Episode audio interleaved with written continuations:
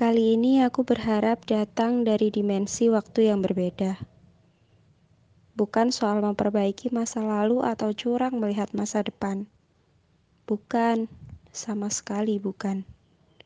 Aku hanya ingin tahu bagaimana seorang aku bisa jatuh cinta dengan manusia luar biasa sepertimu.